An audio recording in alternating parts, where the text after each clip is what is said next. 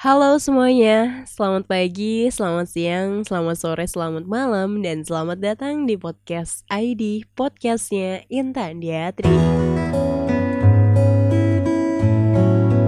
Teman-teman, gimana kabarnya untuk hari ini? Semoga masih dalam keadaan sehat walafiat ya. Harapannya masih sama tentunya. Kita semua masih dalam keadaan sehat walafiat. Dan terima kasih juga buat teman-teman yang masih tetap dengerin podcast ID sampai episode kali ini.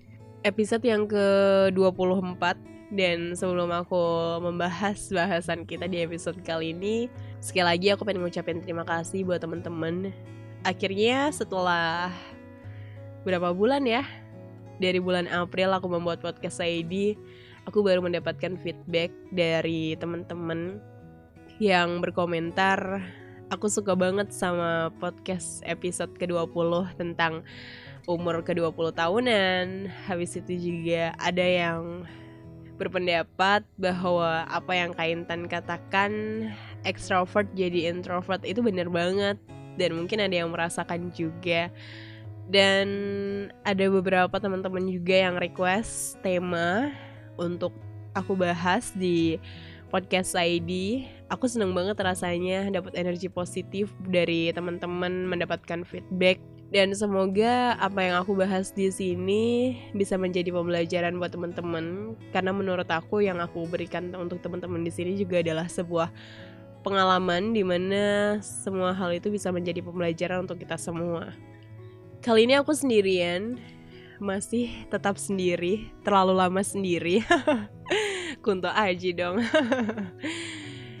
aku kali ini sendirian dan aku pengen membahas seputar bertahan. Kenapa sih Tan bahas bertahan? Karena mungkin hal itu yang saat ini aku rasakan aku nggak tahu apa yang harus aku lakukan selain bertahan.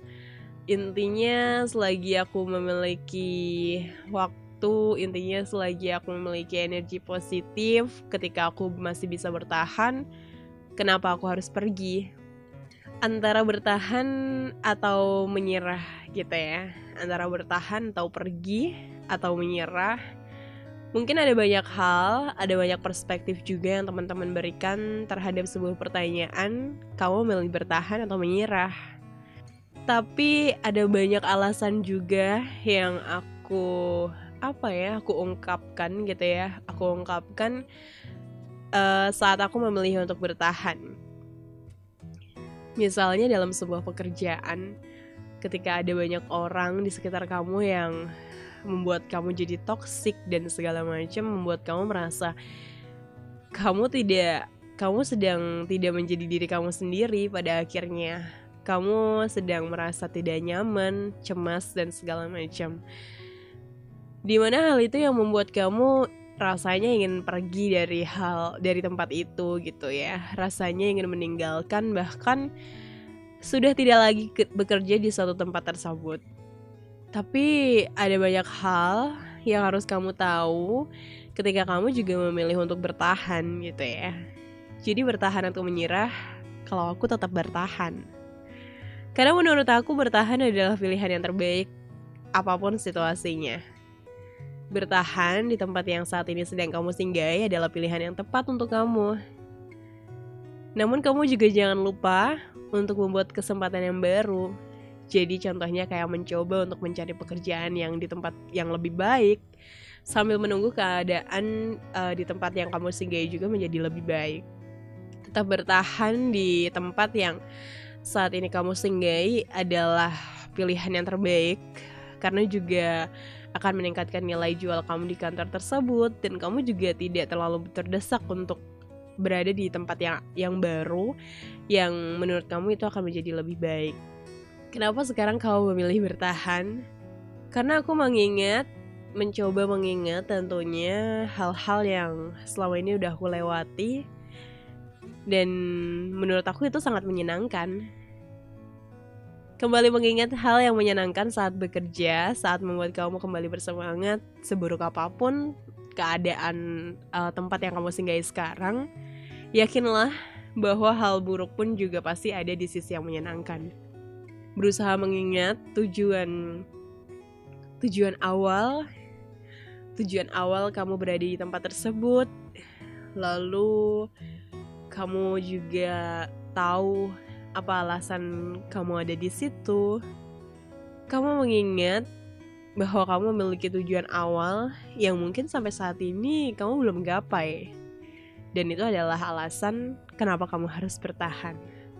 Mungkin di saat kita memilih untuk bertahan, kita juga harus mencoba untuk bersenang-senang. Saat stres melanda, coba untuk bersenang-senang sejenak untuk meninggalkan rutinitas yang akan membuat keadaan kita menjadi lebih baik tentunya.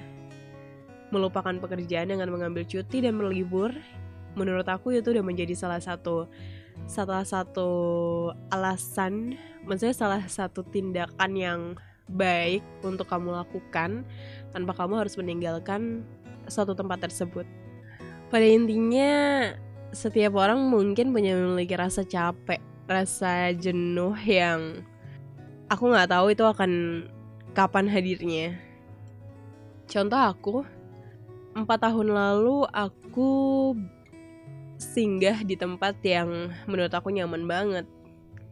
Ketika sampai sampai 2019 lalu aku ditanya, kamu nyaman gak sih di sini? Aku selalu jawab nyaman. Lalu ditanya lagi, ada rasa jenuh gak sih di sini? Nggak ada kok, aku fine-fine aja. Justru malah aku seneng banget. Tapi setelah tiga tahun berakhir, menginjak tahun keempat berada di satu tempat yang selama ini aku singgahi, selama ini yang membuat aku mungkin dunia aku lebih berwarna-warni. Ketika ditanya aku masih menjawab hal yang sama, tetapi rasanya apa yang aku rasakan berbeda. Soal bertahan atau menyerah, aku memilih bertahan. Cuman aku nggak tahu sampai kapan aku bisa bertahan.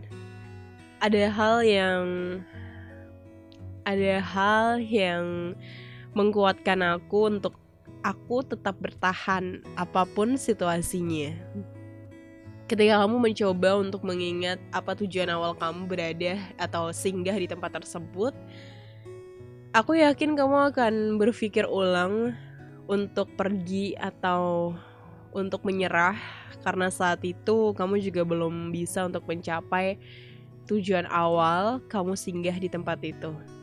Ya, walaupun aku juga tahu ada banyak tempat yang akan menerima kamu, akan ada banyak orang yang membantu kamu dalam mendapatkan suatu tempat yang jauh lebih baik. Tapi apakah segampang itu? Kayaknya enggak deh. Kamu akan sulit untuk beradaptasi lagi, beradaptasi ulang dengan orang-orang yang baru. Kamu akan sulit lagi untuk menyesuaikan jam kerja kamu. Kamu akan sulit lagi tentunya untuk mendapatkan relasi-relasi yang selama ini udah kamu dapatkan. Kalau orang bilang kamu gak berani keluar dari zona nyaman, biarin aja karena mereka nggak tahu kamu. Mereka hanya menilai dari keadaan kamu saat ini tanpa mereka tahu latar belakang apa yang kamu lakukan. Ketika banyak orang yang toksik dengan kamu, kayaknya kamu juga harus keluar dari circle itu. Menjauh adalah salah satu cara untuk kamu bisa keluar dari circle tersebut. Jangan takut dimusuhin. Jangan takut gak punya temen. Karena menurut aku, lebih penting diri sendiri daripada temen. Apalagi semakin dewasa, kamu juga akan semakin mementingkan diri kamu sendiri, bukan teman-teman kamu atau bahkan orang-orang di sekitar kamu. Karena aku lagi merasakan sulitnya untuk bertahan atau menyerah, sekali lagi aku memilih bertahan. Buat teman-teman yang mungkin ada sama dalam posisi yang aku rasakan please tolong banget kamu harus bertahan apa pun situasinya kamu harus kilas balik mengingat ada banyak hal yang sudah kamu gapai ada banyak hal yang sudah kamu rubah untuk menjadi pribadi yang jauh lebih baik sampai di titik ini. Untuk teman-teman yang di sekitarnya ada orang-orang yang ditok ada yang toksik please menjauh. Kamu harus pergi dari circle itu karena itu nggak baik buat kamu. Nggak usah takut nggak ditemenin nggak usah takut nggak punya temen kalau diri kamu jadi lebih baik karena yang bisa membuat diri kamu bahagia cuma diri kamu sendiri bukan orang tua orang di sekitar kamu orang yang sayang kamu apalagi orang-orang yang toksik yang sama sekali nggak akan pernah bisa bikin kamu bahagia. Mungkin itu aja teman-teman yang bisa aku sampaikan hari ini.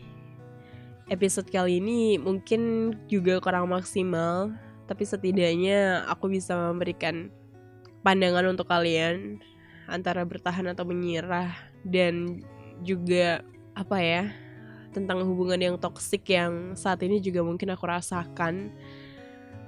Please aku minta tolong buat kalian yang di sekitarnya ada teman-teman yang toksik tolong menjauh karena aku juga sedang melakukan itu untuk membuat diri kamu lebih nyaman dengan diri sendiri, menjadi diri yang lebih apa adanya dan juga membuat diri kamu jauh lebih bahagia tentunya.